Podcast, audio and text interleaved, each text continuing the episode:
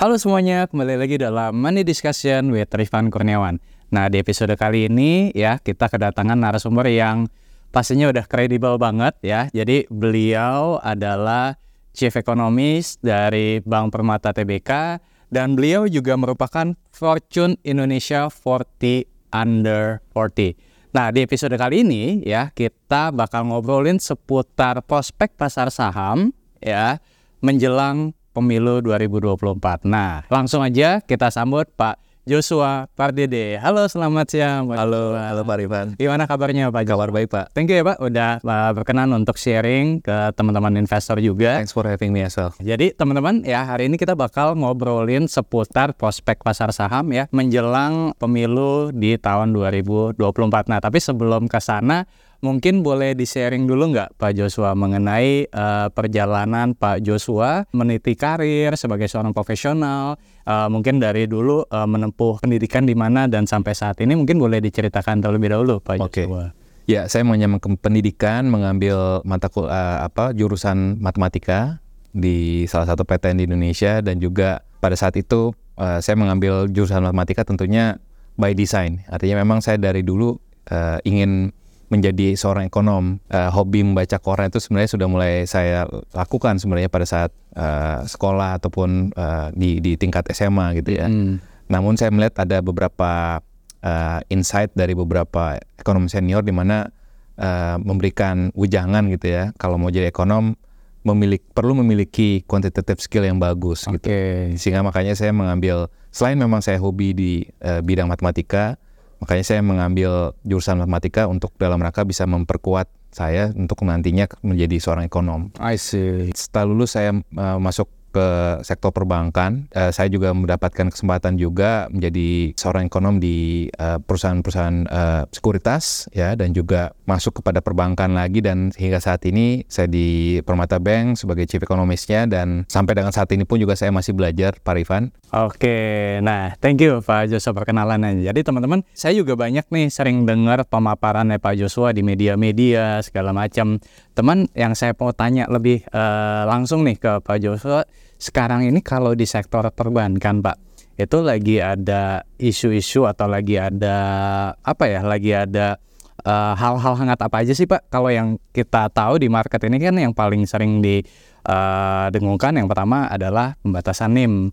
Nah, mungkin dari Pak Joshua bisa sharing pandangan nggak mengenai eh, pandangan NIM atau mungkin ada eh, hal-hal lain Pak yang Iya. boleh di-share silakan Pak. Iya, mungkin kalau kita lihat dari sisi concern dari ataupun topik yang sedang masih sedang dibahas ya, ini terkait juga dengan salah satunya NIM dan juga wacana terkait dengan apa namanya pembatasan dari dividen payout ratio Ah, untuk iya. untuk saham- eh, untuk emiten perbankan. Ya, ini menjadi salah satu topik juga termasuk juga kita melihat dari sisi misalkan eh, tren pertumbuhan kredit ya di tahun ini sampai dengan data per bulan Juni dan Juli tahun ini masih eh, cenderung lebih rendah dibandingkan dengan tahun lalu. Dan ini perlu kita lihat sebagai kondisi di mana eh, bukan eh, karena penyaluran kredit itu kita melihat dari dua sisi Pak Rifan ya. Jadi dari sisi permintaan dan juga penyaluran eh, penawarannya.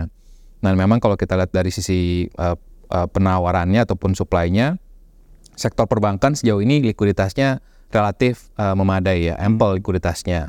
Namun dari sisi permintaan kredit ini yang cenderung relatif lebih melambat ya. Uh, dan ada beberapa faktor. Yang pertama mungkin kalau kami bisa sampaikan di sini terkait dengan uh, kita tahu bahwa di tahun 2022 yang lalu pertumbuhan ekonomi kita cukup baik ya 5,3 persen dan di situ momentumnya juga di, kita ditopang oleh uh, momentum dari commodity boom Ya. ya sehingga kalau kami mencermati ada beberapa korporasi di sektor pertambangan batubara dan juga perkebunan CPO yang memanfaatkan momentum dari cash rich tersebut untuk melunasi beberapa utangnya. Sehingga kalau kita melihat dari sisi outstanding kreditnya relatif uh, uh, cenderung melambat ya. Dan di samping itu juga kita tahu dengan kondisi global di tahun ini yang cenderung melambat ya uh, relatif kita melihat dari sisi Eropa melambat lalu juga ada ekspektasi Amerika Serikat juga melambat.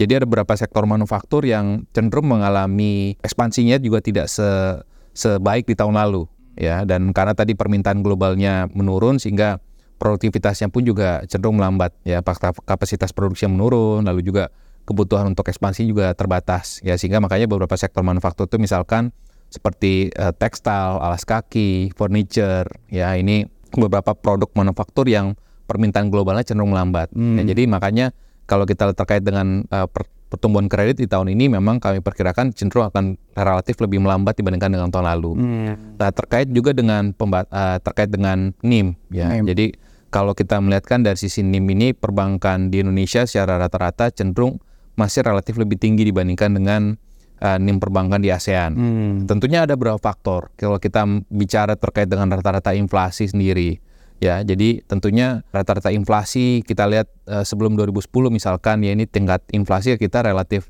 rata-rata cukup tinggi juga, ya, dan juga yang menjadi uh, faktor penentu dari sisi NIM juga adalah cost of fund perbankan. Ya. Ya, cost of fund perbankan pun juga kita lihat secara rata-rata di Indonesia itu pun juga relatif lebih tinggi dibandingkan dengan cost of fund rata-rata di uh, kawasan ASEAN ya karena kita tahu juga misalkan dari sisi apa su- sumber pendanaan masih terbatas di tenor di bawah satu tahun yang deposito misalkan ya Hmm. jadi sehingga pembiayaan ataupun pendanaan dari perbankan ini relatif terbatas ya belum bervariasi nah sehingga mungkin di sisi lainnya uh, dari sisi uh, uh, NIM perbankan memang kita lihat trennya dari akhir tahun lalu sampai dengan Juni kalau saya tidak salah itu tren NIM itu perbankan relatif meningkat Hmm. tapi tentunya peningkatan eh, NIM tersebut itu juga sebenarnya karena dipengaruhi oleh eh, penyesuaian dari suku bunga kredit perbankan secara rata-rata yang relatif lebih lebih cepat ataupun lebih besar dibandingkan kenaikan suku bunga eh, dana pihak ketiga perbankan. Oke. Jadi itulah sebenarnya yang menjadi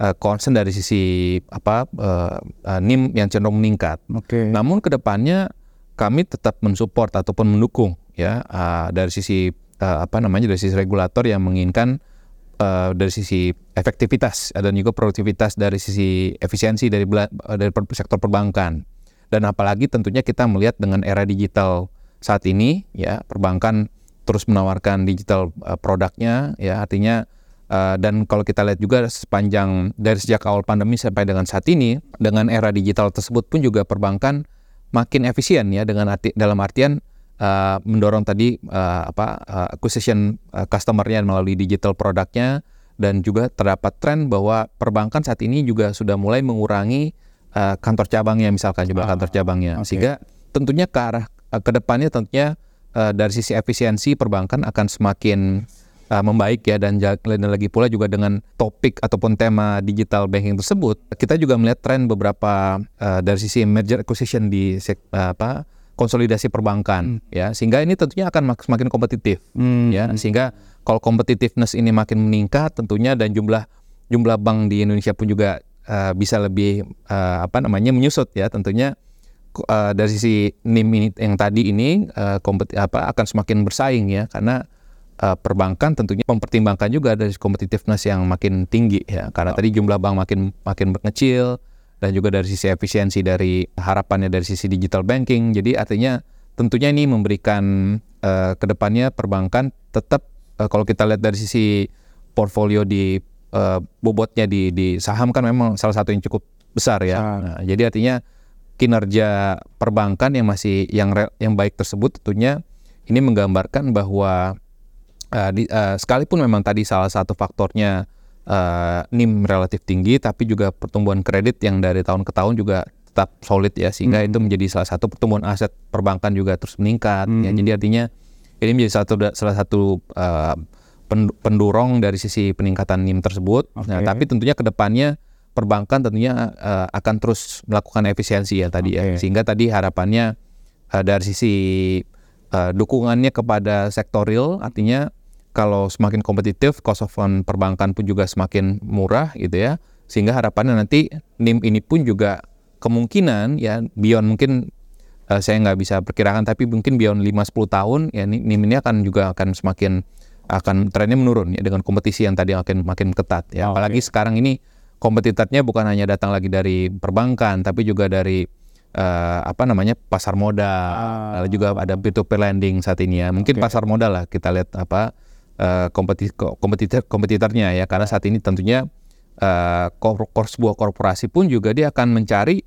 eh, apa namanya mana eh, cost of borrowing yang makin lebih murah yang lebih murah. apakah mendapatkan kredit dari perbankan atau dengan penerbitan ataupun IPO dari pasar modal Oke. ya jadi penerbitan corporate bond ataupun IPO ya jadi artinya tentunya uh, perbankan akan diharapkan akan semakin lebih efisien lagi ke depannya sehingga yang NIM tadi itu yang relatif lebih yang cenderung tinggi dibandingkan dengan di kawasan tentunya ini akan semakin bersaing lagi ke depannya. Oke, tapi berarti kalau saya coba tangkap pembatasan NIM di sini tidak serta merta akan menurunkan laba perbankan. Oh, tidak enggak. ya. Karena banyak juga nih teman-teman investor yang wah e, menangkapnya adalah NIM perbankan kan yang di otak mereka adalah uh, pendapatan bunga dibagi iya. dengan beban bunga. Wah, berarti pendapatan bunga akan turun, berarti yeah. labanya turun. Tidak serta merta yeah. seperti itu ya, Pak ya. Nah, sebenarnya kalau di perbankan itu kan kita mengenal adanya uh, net interest income dan yes. juga non funded income. Yes. Ya.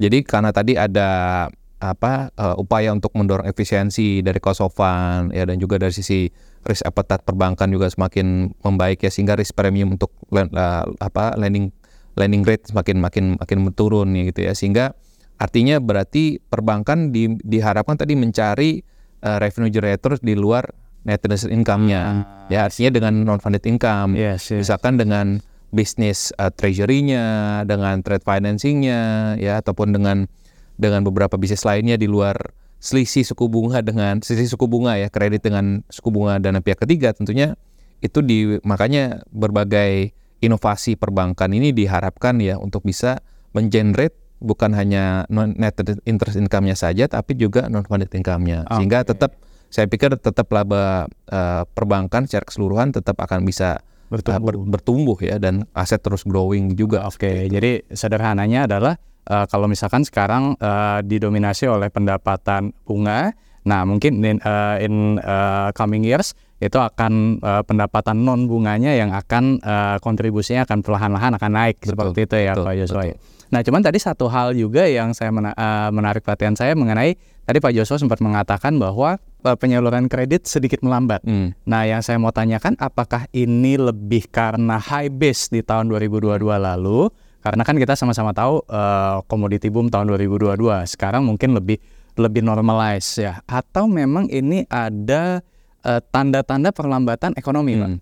Ya, jadi ada dua dua dua faktor utama lah ya bisa kami sampaikan bahwa yang pertama tadi uh, betul yang terkait dengan uh, salah satunya faktor high base dan juga tadi momentum ya momentum uh, kondisi komoditi boom di tahun lalu yang cenderung uh, mendorong peningkatan uh, likuiditas cash ya hmm. untuk perusahaan-perusahaan komoditas ya untuk uh, perkebunan CPO baik juga uh, pertambangan batubara sehingga rata-rata mereka melakukan uh, apa namanya pelunasan uh, kreditnya hmm. ya sebagian hmm. ya.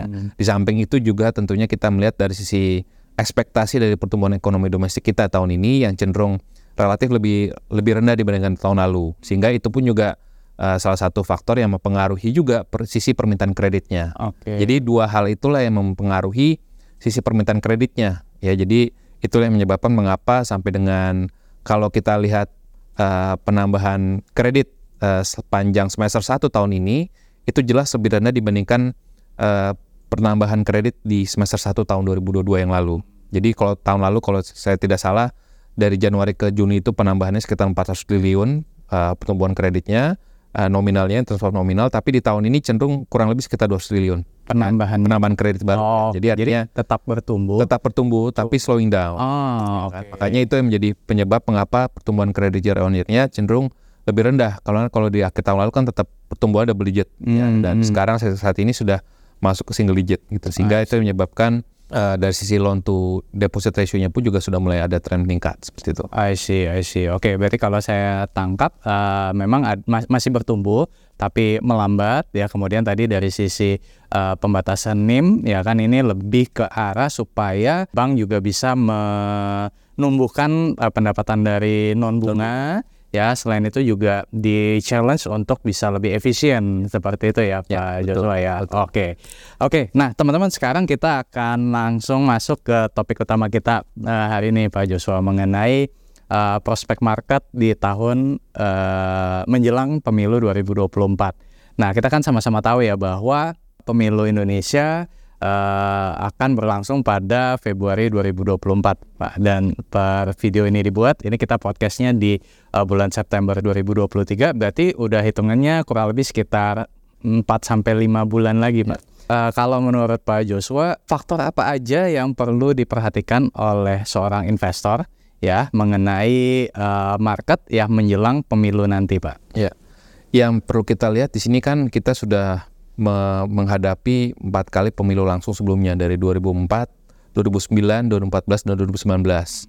Jadi ada beberapa pattern yang coba kita lihat uh, dan memiliki kesamaan dalam tiap uh, beberapa empat kali pemilu langsung tersebut. Dan ini yang kita akan uh, al, apa hadapi nanti di Februari 2024 dan terdapat tren bahwa uh, menjelang pemilu ya satu dua kuartal sebelum pemilu itu memang akan memiliki dampak positif kepada konsumsi masyarakat ya hmm. karena kita tahu bahwa ada anggaran dari pemerintah pusat untuk penyelenggaraan pemilu itu sendiri. Hmm. Nah, namun di sisi yang lainnya ada satu kesimpulan lagi di mana investor asing khususnya ini cenderung wait and see menjelang pemilu. Menjelang pemilu. Dan ini relatif sementara. Jadi tidak berkepanjangan. Jadi mungkin kurang lebih satu dua kuartal sebelum pemilu itu memang ada tendensi ataupun ada tren hmm. di mana investor itu cenderung relatif uh, wait and see tadi ya strateginya. Hmm. Karena sebagai investor asing uh, dalam perspektif mereka mungkin kita melihatnya bahwa investor perlu meyakin, uh, perlu cukup yakin ya bahwa uh, siapa nanti pemimpinnya ya di, di selalu juga siapa nanti uh, partai pemenang di pemilunya ini kan tentunya kan mempengaruhi kebijakan-kebijakan ekonomi pada umumnya. Hmm. Jadi tentunya yang diharapkan dari investor itu adalah kejelasan hmm. dari kebijakan ekonomi dan juga kebijakan uh, secara keseluruhan dari pemerintahan yang tentunya akan mempengaruhi juga berbagai sektor atau bisnis. Ya. Jadi artinya uh, sampai dengan adanya kejelasan dari uh, siapa leader dan juga siapa pemenang pemilu eh, partai di legislatifnya tentunya ini masih ada ketidakpastian hmm. sehingga pada saat adanya ketidakpastian tersebut uh, investor asing cenderung menahan diri dan hmm. ini kita lihat trennya uh, cukup jelas kita lihat trennya itu di sisi foreign direct investment okay. ya dari penanaman modal asing di sektor real itu cenderung uh, menunda sementara dulu ya sampai hmm. dengan ada kejelasan karena kita tahu mungkin perilakunya agak sedikit berbeda ya investor di sektor real dengan investor di pasar modal ya tentunya tadi karena investor real ini perlu yakin bahwa karena ini long term investment jadi investment jadi perlu melihat uh, kejelasan yang yang ke depannya ya hmm. terkait dengan hasil pemilu. Nah, tapi once sudah uh, hasil pemilu sudah sudah kelihatan dan biasanya dengan itu terlihat terindikasi jelas misalnya dari uh, quick poll yang nanti ya ataupun dari quick count-nya ya hasil hmm. pemilu itu biasanya dan ini ter, terrefleksi juga di pemilu terakhir 2019 hmm. ya pada saat itu uh, pasar modal kita menguat, rupiah kita menguat. Yes. Jadi kejelasan dari hasil pemilu itu sangat penting sekali bagi sisi investor. I see. Nah, lalu juga di pasar modalnya saya pikir juga memiliki pattern yang sama kurang lebih ya baik di di saham ataupun di pasar obligasinya hmm. ya karena rupiahnya pun juga akan dengan tadi tendensi di mana ada kecenderungan bahwa uh, investor akan cenderung uh, wait and see ya. Uh, uh, tentunya tadi akan pengaruh juga ya dinamika di pasar modalnya. Tapi kata kuncinya tadi kan saya sudah sampaikan juga bahwa uh, perhelatan pemilu ini berdampak positif pada konsumsi. Hmm. Jadi tentunya ada momentum-momentum di pasar modal yang bisa kita manfaatkan. Misalkan tadi consumer goods, hmm. ya retail, hmm. ataupun juga misalkan media, hmm. ya yang sebagai uh, karena kan kita kita tahu juga ya media juga mendukung juga untuk yes. uh, perhelatan dari kampanye dan pemilu ini gitu. Jadi ada beberapa sektor yang tentunya kita lihat secara selektif akan masih tetap kinerja akan baik ya khususnya di tengah pemilu ini mm -hmm. dan juga tadi jasa-jasa pendukung untuk pelaksanaan pemilu dan juga kampanye tapi di sisi lainnya tadi ada mungkin beberapa sektor yang uh, mungkin harus uh, kita perhatikan ya yes. karena misalkan berkaitan dengan saya mungkin ambil contoh misalkan masih banyak di antara kita mungkin bertanya-tanya apakah IKN akan berlanjut mm -hmm. gitu ya nah ini kan keberlanjutan dari IKN ini ataupun proyek-proyek pemerintah yang sudah ada saat ini apakah ini akan berlanjut tentunya kan ini menjadi pertanyaan besar bagi investor. Jadi mungkin menurut hemat saya mungkin ada beberapa sektor uh, saham yang tentunya akan dipengaruhi tadi oleh sentimen uh, wait, wait and see dari investor tersebut ya. hmm. ya karena dia perlu yakin apakah ada kejelasan bahwa kelanjutan dari IKN ini misalkan ibu kota negara uh, di uh, di Kalimantan Timur itu uh, akan berlanjut hmm. ya. Jadi tentunya semuanya akan terpengaruh juga gitu. Jadi mungkin itu, itu salah satu sektor saham yang mungkin harus diperhatikan itu. Oke. Okay. Nah, saya tadi uh, ketika Pak Joso menjelaskan ada terlintas pertanyaan di benak saya, Pak. Yang pertama adalah uh, kita tahu bahwa uh, tahun 2024 ini ya berarti Pak Jokowi sudah tidak menjabat lagi yeah. karena kan sudah uh, dua periode ya kan. Nah, cuman kan memang ada calon Hmm. ya dari partai yang sama Hmm. ya kan tapi di sisi lain ada dua kandidat lain yang di luar gitu Ya. kan nah eh, dan kalau kita lihat secara eh, apa ya secara survei kepuasan lah ya eh, masyarakat terhadap kepemimpinan Pak Jokowi ini relatif lebih tinggi Ya. dibandingkan dengan eh, kalau saya nggak salah waktu Pak SBY tahun lalu eh, tidak setinggi eh, Pak Jokowi gitu kan. Nah pertanyaan saya adalah eh, apakah eh, jika nanti eh, kepemimpinan yang berlanjut ini dari partai yang sama kan lebih favorable buat market pak ketimbang calon yang di luar. Hmm. Nah itu mungkin pertanyaan yang pertama pak. Iya, oke. Ini menarik ya. Tapi karena saya bukan analis politik, Iya. mungkin eh, sebagai apa namanya masyarakat awam saja ya Iya. eh, memandangnya seperti apa. Jadi mungkin kalau saya me- me- melihat tadi ya karena tingkat eh, apa kepuasan terhadap Pak Presiden Jokowi saat ini masih relatif tinggi gitu ya. Hmm. Tentunya ini menjadi apa menjadi benchmark ya untuk next presiden gitu ya. Hmm. Karena artinya eh, masyarakat ataupun pemilih masyarakat ini eh, tentunya akan membanding-bandingkan tentunya kan Nah itu dia. akan membanding-bandingkan apa kinerja kebijakan yang sudah dikeluarkan oleh Pak Jokowi saat ini misalkan tadi IKN IKN. dan juga misalkan terkait dengan hilirisasi di sektor mineral basic metal lalu juga terkait dengan bagaimana upaya untuk mendorong eh, apa namanya eh, pembangunan infrastruktur Hmm. yang kita lihat saat ini sudah sangat masif ya khususnya di di luar Pulau Jawa itu juga sangat mendorong pembangunan di daerah gitu ya. Jadi kalau kebijakan-kebijakan ini eh, tentunya eh, apa namanya eh, cenderung tadi ada perubahan yang signifikan, tentunya masyarakat pun juga tentunya akan nantinya akan akan terefleksi nih kepuasan di presiden yang berikutnya ini Oke. akan tentunya akan akan berpengaruh juga. gitu. Oke. Jadi tingkat kepuasan masyarakat saat ini uh, uh, apa namanya ke depannya nanti akan sangat berpengaruh kepada kebijakan-kebijakan oleh presiden berikutnya. Jadi saya tidak menyebutkan calonnya, Mhm. tapi yang terpenting adalah kalau yang saya lihat, eh, jadi artinya kalau saya sebagai capres cawapres yang yang akan ikut berkonsentrasi nanti di pemilu, tentunya saya akan cenderung pragmatis. Hmm. Ya, jadi saya tidak akan eh, tidak akan melakukan perubahan yang sangat signifikan, yang ya yang yang drastis. drastis, karena pada akhirnya masyarakat atau pemilih akan membandingkan kembali lagi sekali lagi dengan kinerja presiden incumbent saat ini yang rela- yang sangat baik gitu ya Yes. dibandingkan dengan selanjutnya. Ya. Jadi tentunya ini tuh eh, menjadi acuan ya buat Ya. buat eh, buat capres cawapres yang akan berkonsentrasi nanti Oke. untuk eh, melihat kondisi tersebut ya karena Ya. tingkat eh, kepuasan dari eh, masyarakat saat ini terhadap eh, presiden incumbent sangat tinggi gitu. Jadi artinya harus berhati-hati dalam hal eh, apa penyampaian program-program kerjanya nantinya agar tetap bisa mendapatkan pemilih yang eh, yang yang yang yang, yang juga tinggi seperti itu. Oke, berarti eh, kalau yang saya tangkap bukan eh, buk, yang terpenting bukan eh, siapa eh, pemenangnya, tapi program apa yang nanti akan dijalankan seperti itu ya Pak Joshua ya. Oke, Pak Joshua, tadi eh, saya juga eh, tertarik dengan pernyataan Pak Joshua atau pendapat dari Pak Joshua yang menyatakan bahwa eh, menjelang eh, pemilu ya investor asing akan cenderung wait and see. Nah pertanyaan saya adalah kalau misalkan investor asing ini di satu sisi dia mungkin belum masuk lagi ke China atau Hong Kong, kemudian di satu sisi juga eh, mungkin masih wait and see di emerging market termasuk Indonesia yang akan pemilu ya kan? Dan eh, apakah ini artinya investor asing akan kembali ke US atau eh, ada negara-negara lainnya Pak? Mungkin Ya. ada yang bisa di-share Pak Yusuf. Iya, jadi kalau kita lihat kinerja di stock market global, kita melihat bahwa misalkan Dow Jones, S&P 500 dan Nasdaq kan saat ini year to date performance-nya cukup baik ya, Ya. khususnya Nasdaq ya, karena tahun lalu memang drop-nya cukup Drop-nya, dalam ya. karena uh, sentimen dari sisi kenaikan suku bunga Fed juga. Hmm. Kita melihat misalkan sampai dengan uh, apa akhir minggu lalu misalkan uh, penguatan Nasdaq 34%. Jadi memang ada indikasi juga bahwa investor global ini untuk uh, masuk ke uh, US stock market ya. Mhm. Tapi uh, kalau kita lihat dari sisi Asian market sendiri Mhm. di sisi stock market itu memang uh, tercatat inflows itu cukup tinggi uh, masuk ke India, South Korea, termasuk juga China sebenarnya masih ada ini ya Oh, China sekitar masih- 6 billion ya 6,7 billion Oh, US dollar sampai dengan Juni kemarin. Oke. Ditambah lagi juga yang terakhir adalah uh, Ta- Taiwan. Dan meskipun memang kalau kita lihat di emerging rata-rata memang terjadi outflow ya saat ini ya Malaysia, Filipina, Thailand, Vietnam.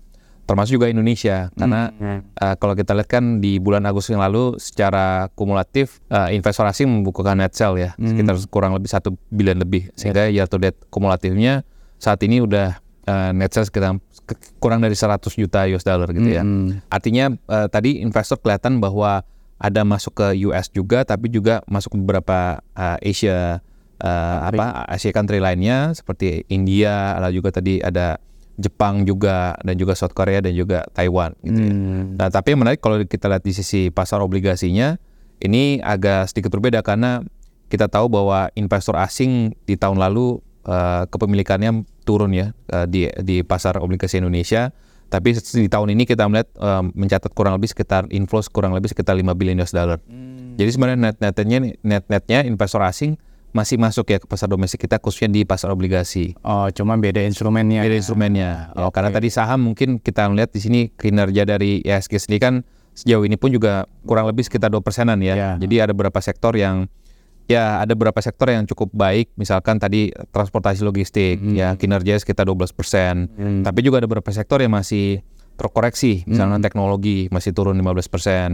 Lalu juga energi, Oh, ya, energi energi. juga kan ini juga masih berkaitan juga dengan normalisasi dari harga komoditas global ya akibat dari uh, dampak di tahun ini yang di mana harga komoditas rata-rata turun. Coal sudah year to date-nya sekitar 60 persen, Hmm. CPO juga turun sekitar kurang lebih 45 persen. Ya harga oil saja yang agak naik uh, secara year to date-nya. Jadi uh, saham sektoral energi, lalu teknologi dan juga healthcare ini masih mencatatkan kinerja yang menurun. Hmm. Nah, tapi ada dandat kita melihat ini kinerjanya cukup baik dan artinya dengan tadi kondisi uh, investor asing yang masih melihat kondisi tadi uh, menjelang pemilu dan juga tadi kinerjanya mungkin uh, melihatnya tadi ada opportunity di negara lain, artinya memang investor retail domestik lah yang menjadi salah satu faktor mengapa penguatan dari IHSG sejauh ini sudah uh, kurang lebih sekitar kinerjanya sekitar 2 persenan. Ya, jadi kurang lebih naik sekitar 100 po- 140 poin lah ya Yes. dibandingkan dengan penutupan akhir tahun lalu. Yes, yes. Jadi sehingga inilah menjadi salah satu faktor ya ini mungkin agak berbeda. Jadi kalau tahun lalu ceritanya investor domestik di bo- obligasi yang mendo- yang akhirnya menopang terbatasnya koreksi di pasar obligasi di tahun ini justru investor retail saham domestik yang akhirnya justru malah mendorong penguatan di uh, kinerja IHSG-nya. Jadi memang the power of retail uh, uh, investor domestik inilah yang menjadi menjadi penting sekali ya untuk kita supaya tidak terlalu rentan dan juga terpengaruh dengan dengan uh, apa dengan dinamika dari uh, outflow dari sisi investor asingnya. Oke, oke. Tapi eh, apa namanya wait and see dari eh, investor asing ini hanya bersifat sementara ya? Sementara, sementara Pak. Karena kalau kita melihat juga dari sisi tren dari dari empat pemilu terakhir kita, yang pemilu langsung terakhir ini, eh, pada saat tadi hasil pemilu sudah keluar, ada tendensi juga bahwa invest, investasi dan juga pasar modal ini akan cenderung meningkat lagi. Oke, oke, menarik.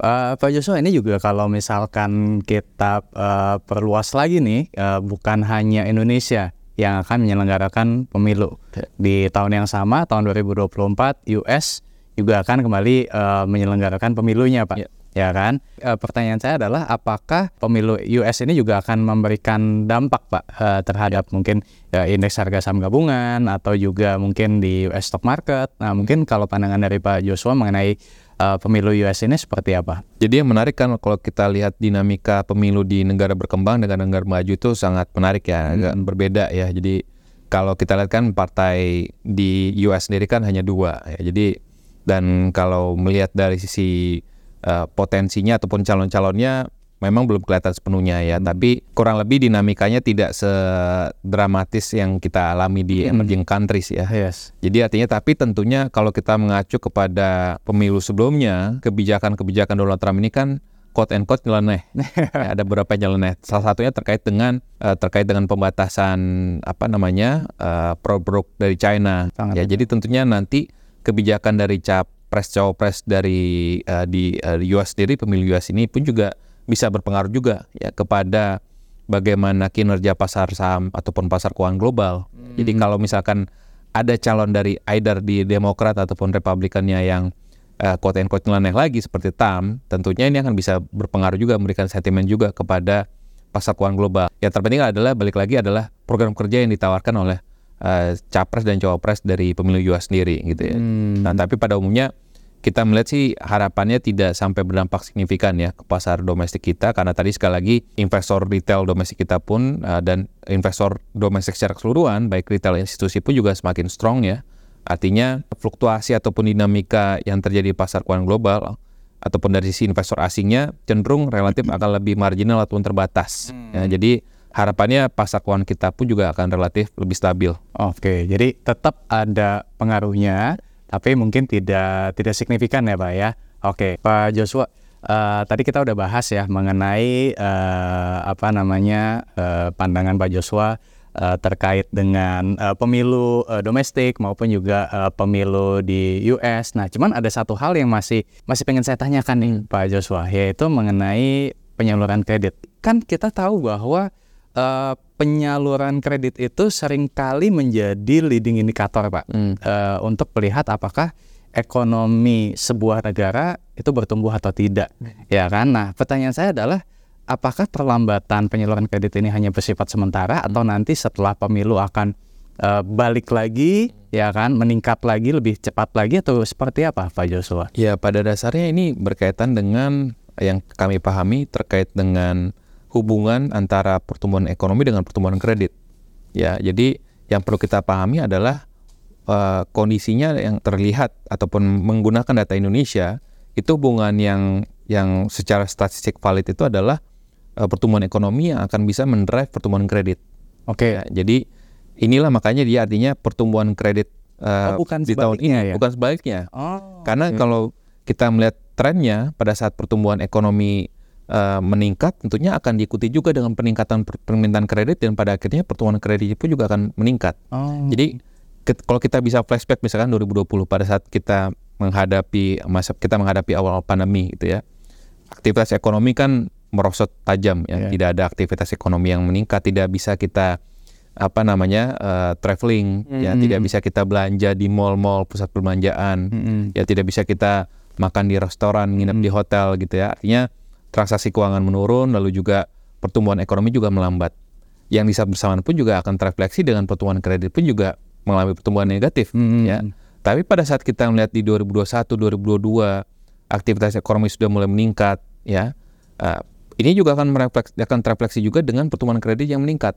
Ah. Jadi artinya aktivitas ataupun penyaluran kredit perbankan itu akan sangat didrive oleh aktivitas ekonomi. Hmm. Karena pada dasarnya perbankan itu adalah uh, berkaitan dengan risk appetite ya. Jadi risk uh, perbankan itu akan lebih firm untuk menyalurkan kreditnya once perbankan melihat bahwa sektor ataupun uh, bidang uh, apa uh, debitur ataupun uh, sektor ekonomi tersebut memang sudah teruji ya hmm. ataupun sudah prospeknya bagus ya. Jadi artinya perbankan ini akan sangat jarang sebenarnya untuk masuk atau menyalurkan kredit ke sektor-sektor ataupun usaha bisnis yang baru muncul. Hmm. Ya, jadi karena pada sisi risk appetite-nya pun juga perbankan akan berhitung atau akan mengukur juga ya. Jadi perbankan itu karena tadi adalah karena kan kita bisnis kepercayaan. Hmm. Masyarakat menempatkan dana di perbankan dan perbankan pun juga harus bagaimana uh, mendapatkan kepercayaan tadi ya hmm. dengan artian bahwa perbankan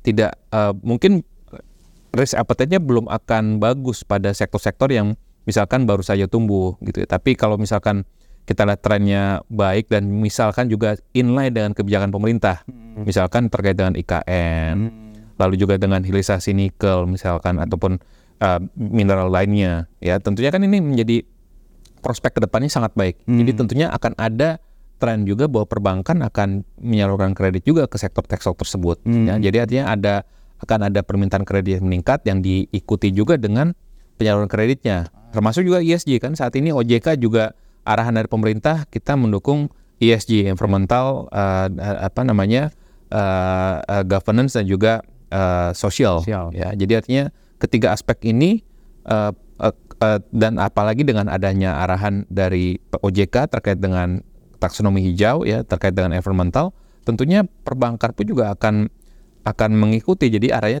jadi tentunya memang tentunya akan ada guidance dari dari pemerintah ataupun regulator, tapi juga perbankan akan melihat nih apakah si sektor yang di guide apa yang di encourage oleh regulator atau pemerintah ini uh, memiliki prospek yang baik. Oke. Ya, ataupun tadi risikonya sudah bisa dimitigasi misalkan, ya sehingga tadi risk premiumnya tidak terlalu besar, sehingga perbankan pun juga akan bisa mengakomodir untuk menyalurkan kredit ke sektor-sektor tersebut. Jadi artinya kita melihat bahwa uh, pertumbuhan kredit uh, ini akan sangat di drive, akan sangat dipengaruhi oleh pertumbuhan ekonomi, bukan sebaliknya. Hmm. Jadi sehingga kalau kita kaitkan dengan konteks pemilu yang kita harapkan bahwa uh, hasil pemilu kita harapkan berjalan dengan baik ya dan juga kondisinya dengan uh, stabilitas politik pun juga akan tetap terjaga. Artinya ada akan ada ekspektasi juga tadi menyambung dengan dengan uh, dengan APBN era APBN 2024 yang prospeknya juga masih tetap optimis, artinya akan ada ekspektasi bahwa investasi akan tumbuh. Hmm. Pada saat investasi akan tumbuh, berarti ada akan ada sektor-sektor yang melakukan ekspansi. Yes. Pada saat ada sektor yang melakukan berbagai sektor melakukan ekspansi,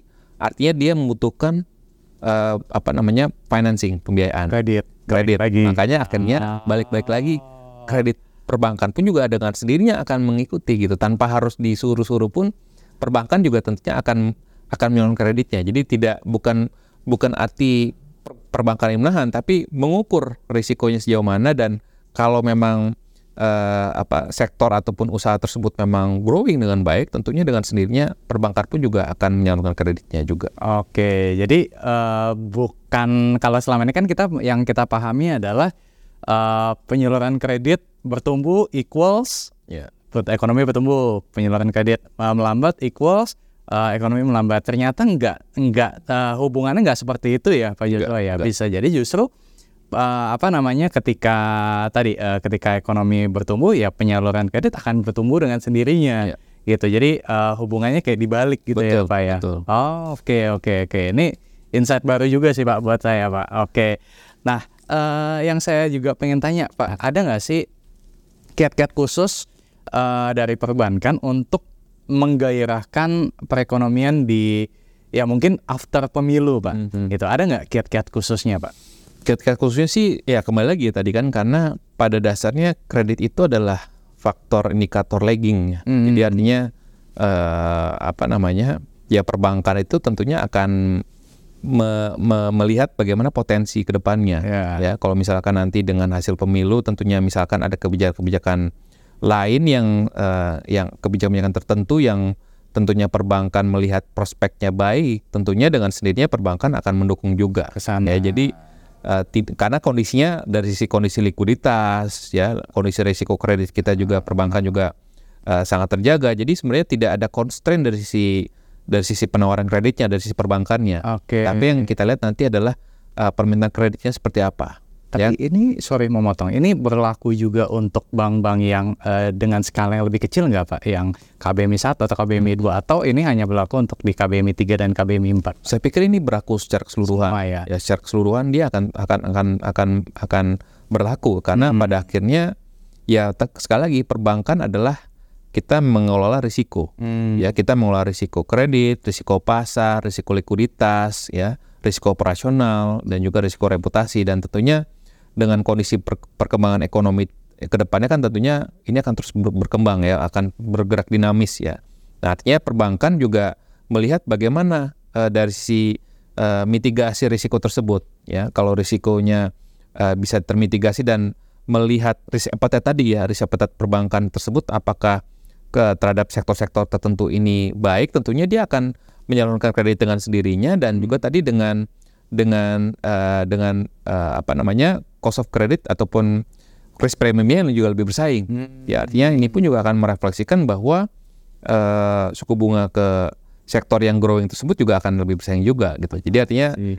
eh, pada akhirnya eh, perbankan adalah melihat potensi dan juga prospek ke depannya. Ah, Ya, jadi makanya itu yang perlu kita lihat juga bagi dari sisi eh, investor pun juga ya tapi ini saya pikir berlaku untuk semua bank ya. Jadi tentunya tadi dari sisi kapabilitas, kondisi likuiditas, permodalan dari masing-masing bank kan ber- sangat bervariasi ya. Hmm. Jadi bagaimana kita misalkan kita melihat eh, di sektor perbankan itu sendiri misalkan ya eh, ya tadi tentunya beberapa faktor tadi selain pertumbuhan kredit, pertumbuhan aset, eh, profitabilitas, tapi juga bagaimana eh, apa prospek ke depannya dari perbankan itu ya apakah mendukung sustainability atau apakah atau apakah uh, dari sisi permodalannya baik ya tentunya kan itu menjadi dasar juga ya kalau Mm-mm. permodalannya kuat tentunya ada harapannya untuk pertumbuhan growing aset ke depannya pun juga akan lebih lebih lebih perspektif gitu ya jadi tentunya pertimbangan-pertimbangan itu yang harus kita pertimbangkan uh, untuk spesifik tadi di, di di di sektor perbankan seperti itu. Oke, oke, ya very clear Pak. Oke, eh, Pak Joshua tadi kan kita udah eh, banyak diskusi ya. Ini mungkin yang ditunggu-tunggu oleh teman-teman investor nih, Pak Joshua. Ada nggak kira-kira boleh di-spill nggak eh, sektor-sektor apa yang mungkin kalau dari kacamata Pak Joshua favorable dan sebaliknya sektor apa yang mungkin unfavorable ya eh, menjelang pemilu 2024 ini, Pak. Oke, karena uh, konteksnya adalah pemilu dan juga kondisi ekonomi global ya, Hmm, kita hmm, juga mempertimbangkan itu. Jadi kita melihat bahwa sektor-sektor tadi kan sudah kami sampaikan juga ya terkait dengan menjelang pemilu karena tadi kata kuncinya ada konsumsi masyarakat yang ya. yang akan tetap solid. Artinya sektor-sektor saham yang berkaitan dengan consumer goods ataupun uh, konsumsi masyarakat dan jasa-jasa pendukung ya tadi Mhm. misalkan media ataupun tadi retailer ini tentunya masih akan tetap uh, apa kinerja cukup baik Hmm. ya. Nah, mungkin karena tadi konteksnya juga berkaitan dengan kondisi eh, global yang saat ini cenderung melambat, artinya sektor-sektor yang berorientasi ekspor ya, karena kan ada ekspektasi bahwa kinerja ekspor Indonesia juga cenderung menurun atau melambat ya, Iya. sehingga sektor-sektor yang mengandalkan ekspor ini juga akan terpengaruh. Oke. Ya, jadi makanya ini yang tadi akan akan apa terpengaruh juga dan misalkan tadi terkait dengan keberlanjutan eh, eh, misalkan program IKN ya jadi mungkin beberapa eh, ataupun sektor secara umum ya eh, saya nggak mengikutin ya tapi sektor properti mungkin bisa terpengaruh Hmm. Ya, jadi artinya beberapa sektor itu yang yang kita lihat dan tadi berkaitan dengan kinerja eh, dari harga komoditas, eh, sektor energi ini juga perlu kita antisipasi Mhm. karena mungkin saja normalisasi harga komoditas ini akan berlanjut. Ya. oh, jadi Sekal- ah, akan, ya. akan lebih panjang. Betul, ya karena kan eh, karena kan harga komoditas di tahun lalu itu kan tidak normal. Iya. Ya. Pertama karena ada faktor uh, Iya, supply side yang yang yang tidak bisa catching up dari sisi permin dibandingkan permintaannya, ditambah lagi juga dengan isu geopolitik di Rusia Betul. Ukraina. Betul. Jadi makanya eh, harga komoditas misalkan batu bara di atas 400 dolar per ton, saya pikir itu akan sulit terjadi lagi di ke depannya. Jadi iya. itu harus kita uh, waspadai antisipasi. Sama juga dengan CPO yang sempat di atas 1000 dolar per ton pun juga itu mungkin uh, abnormal ya. Yes, Jadi yes. makanya kita perlu lihat bahwa normalisasi harga komoditas dan juga tadi uh, dari sisi kinerja ekspor ya manufaktur ya tadi akan terpengaruh juga yang berkaitan dengan tekstil, alas kaki, furniture ini akan bisa uh, mungkin in the short term belum belum akan recover dengan cepat gitu ya sehingga itu harus kita watchful uh, kita kita perhatikan. Tapi ke depannya tadi dengan uh, kalau tadi ada kejelasan dari sisi uh, hasil pemilu lalu juga program-program pemerintah ya terkait dengan uh, hilirisasi nikel ya mungkin itu salah satu yang kita lihat ya ini kinerja cukup baik ya kalau kita mengulik data BPS Hmm. itu kan dari sisi sektor manufaktur hilirisasi nikel dan juga basic metal uh, basic metal ini kinerjanya uh, relatif lebih tinggi dibandingkan kinerja manufaktur lainnya. Mhm. Ya, jadi dan ini cukup konsisten kita ngelihat misalkan sejak awal pandemi Hmm. ya. Lalu juga misalkan terkait dengan uh, sek- uh, apa industri petrokimia. Ya, Hmm. petrokimia ini juga menjadi salah satu sektor uh, dari sisi perspektif pemerintah yang memang uh, kita memiliki uh, competitiveness cukup baik ya. Karena pertama di sini juga adalah uh, labor intensif ya dan juga bagaimana upaya dari pemerintah juga untuk bisa mengurangi eh, apa namanya mendorong tadi produktivitas eh, produk petrokimia ini karena kan kita tahu bahwa eh, apa eh, hasil produk dari end product dari industri petrokimia ini digunakan oleh berbagai sektor industri manufaktur lainnya gitu jadi makanya eh, dan itu pun juga misalkan dari perusahaan BUMN kita pun juga mengupayakan untuk bagaimana meningkatkan produksi produk petrokimia. Jadi makanya itu pun juga kita menjadi lihat eh, petrokimia masih cukup baik ya eh, eh, lalu juga berkaitan dengan otomotif juga ke depannya kita lihat juga menjadi salah satu sektor yang uh, harapannya juga akan bisa tumbuh baik sustain ke depannya karena uh, pertumbuhan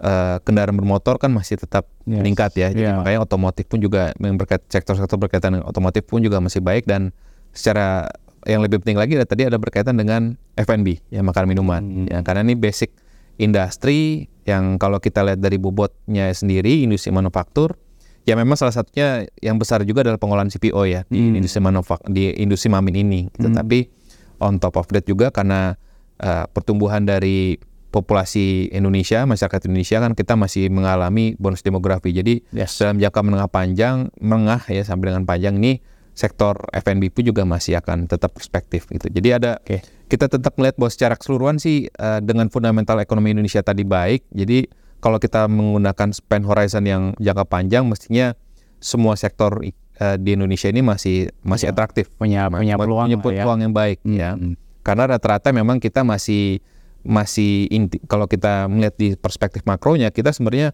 pertumbuhan ekonomi kita tuh bisa bisa tumbuh 6 sampai 7 persen. Oke. Kita sebenarnya masih di bawah potensinya. Iya. Jadi bagaimana kita meng- me- meningkatkan tadi karena kan kita mau eh, 2045 kita menjadi negara maju. Yes, yes. Maka itu investasi kita mesti di atas 6-7 persen, pertumbuhan ekonomi kita harus di atas 6-7 persen. Bagaimana caranya dengan reformasi struktural yang sudah dilakukan oleh pemerintah. Lalu juga bagaimana mendorong kembali eh, industrialisasi dengan hilirisasi eh, di produk-produk eh, pertanian, pertambangan sama mineral dasar. Jadi itu saya pikir udah kata kuncinya udah udah beberapa Yes, kata yes. kunci sudah saya sampaikan. Jadi Yes. hal-hal yang perspektif itu saya pikir ini eh, bisa di, dipertimbangkan bagi investor untuk melihat bagaimana kinerjanya nanti kan ini kan saya dari sisi helikopter view-nya ya. Yes. Tentunya nanti dari sisi financial statement analisisnya harus di harus di combine lagi juga dengan misalkan technical analisisnya apabila memang yang yang untuk trading ya Yes. per- apa untuk per- purpose untuk trading gitu. Ya. Tapi untuk investment saya pikir eh, sebagian besar emiten apalagi dengan pertumbuhan emiten ini akan semakin semakin banyak lagi ke depannya. Jadi ini akan menarik lagi buat pasar modal eh, sehingga eh, investasi di pasar modal pun juga ini akan menjadi eh, investasi yang eh, apa atraktif dan menarik ke depannya. Nah, itu tadi teman-teman ya eh, udah dikasih spill ya eh, oleh Pak Joshua ya beberapa sektor yang favorable dan non favorable ya. Tapi balik lagi nih eh, keputusan investasi di tangan teman-teman sekalian ya. Jadi tetap do your own research ya.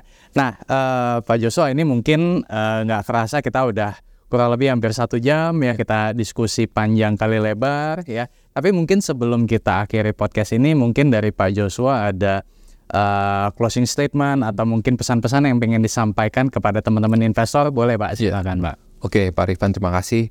Jadi yang kami sampaikan adalah bahwa sekali lagi yang eh, perlu kita lihat tadi do on your, your own research ya. Dalam sebelum kita berinvestasi tetap kita perlu memiliki analisis ya baik fundamental maupun teknikalnya dan terkait dengan eh, diskusi yang kita eh, kita eh, kita diskusikan saat, apa saat ini eh, fundamental ekonomi Indonesia relatif baik dan perspektif ke depannya. Jadi artinya dan apalagi dengan tadi dengan uh, pertumbuhan emiten akan terus berkembang ke depannya tentunya ini akan sangat menarik ya buat investasi di pasar modal dan uh, sekali lagi dan dari sisi uh, prospek menjelang dan setelah pemilu kita harapkan kondisi ekonomi semuanya berjalan uh, pemilu berjalan dengan baik sehingga akan berdampak positif juga kepada uh, kondisi ekonomi ke depannya ya secara khusus juga misalkan tadi sektor perbankan yang yang menjadi apa namanya pendukung uh, penting dari, dari perekonomian tentunya uh, perbankan pun juga akan nanti terefleksi dari sisi kalau tadi ada investasi ada ekspansi bisnis sehingga permintaan kredit pun juga akan meningkat. Jadi uh, jadi secara keseluruhan ya intinya adalah tetap bahwa kita terus belajar ya uh, apa namanya terus menggali ya informasi Yes. ya. Jadi jangan FOMO Nah. ya, buat teman-teman uh, investor semuanya dan uh, harapannya dengan kita bisa melakukan riset sendiri dan tadi bisa uh, melihat potensi-potensi ke depannya tentunya kita harapkan uh, portfolio teman-teman semua akan akan akan akan uh, menghasilkan tadi kinerja yang baik demikian Amin. Oke, oke. Thank you Pak Joshua atas waktunya eh, untuk insight-insight yang diberikan. Eh, saya yakin juga teman-teman investor pasti juga eh, banyak belajar ya dari podcast bersama dengan Pak Joshua Pardede pada hari ini ya. Eh, anyway, Pak Joshua kalau misalkan teman-teman pengen keep contact, pengen keep in touch dengan eh, Pak Joshua bisa main ke sosial media mungkin ya Pak Ya, ya. Untuk Instagramnya di @joshua Joshua.pardede Pardede nanti eh, apa namanya akunnya juga kita taruh di kolom deskripsi. Oke sekali lagi thank you Pak Joshua Terima kasih, untuk waktunya. Thank you juga buat teman-teman yang sudah eh, menyaksikan podcast ini ya dari awal sampai akhir Dan kalau kamu suka dengan video ini, dengan podcast ini, ya seperti biasa, klik like, subscribe, dan share ke teman-teman kamu ya supaya manfaat dari podcast ini bisa semakin luas lagi ya semakin banyak yang bisa belajar ya dan juga jangan lupa uh, nyalakan uh, notifikasinya supaya nggak ketinggalan video dan podcast-podcast berikutnya. Oke, sampai di sini dulu money discussion kita pada hari ini dan sampai ketemu lagi di sesi money discussion berikutnya. Sampai semuanya. Thank you. Thank you.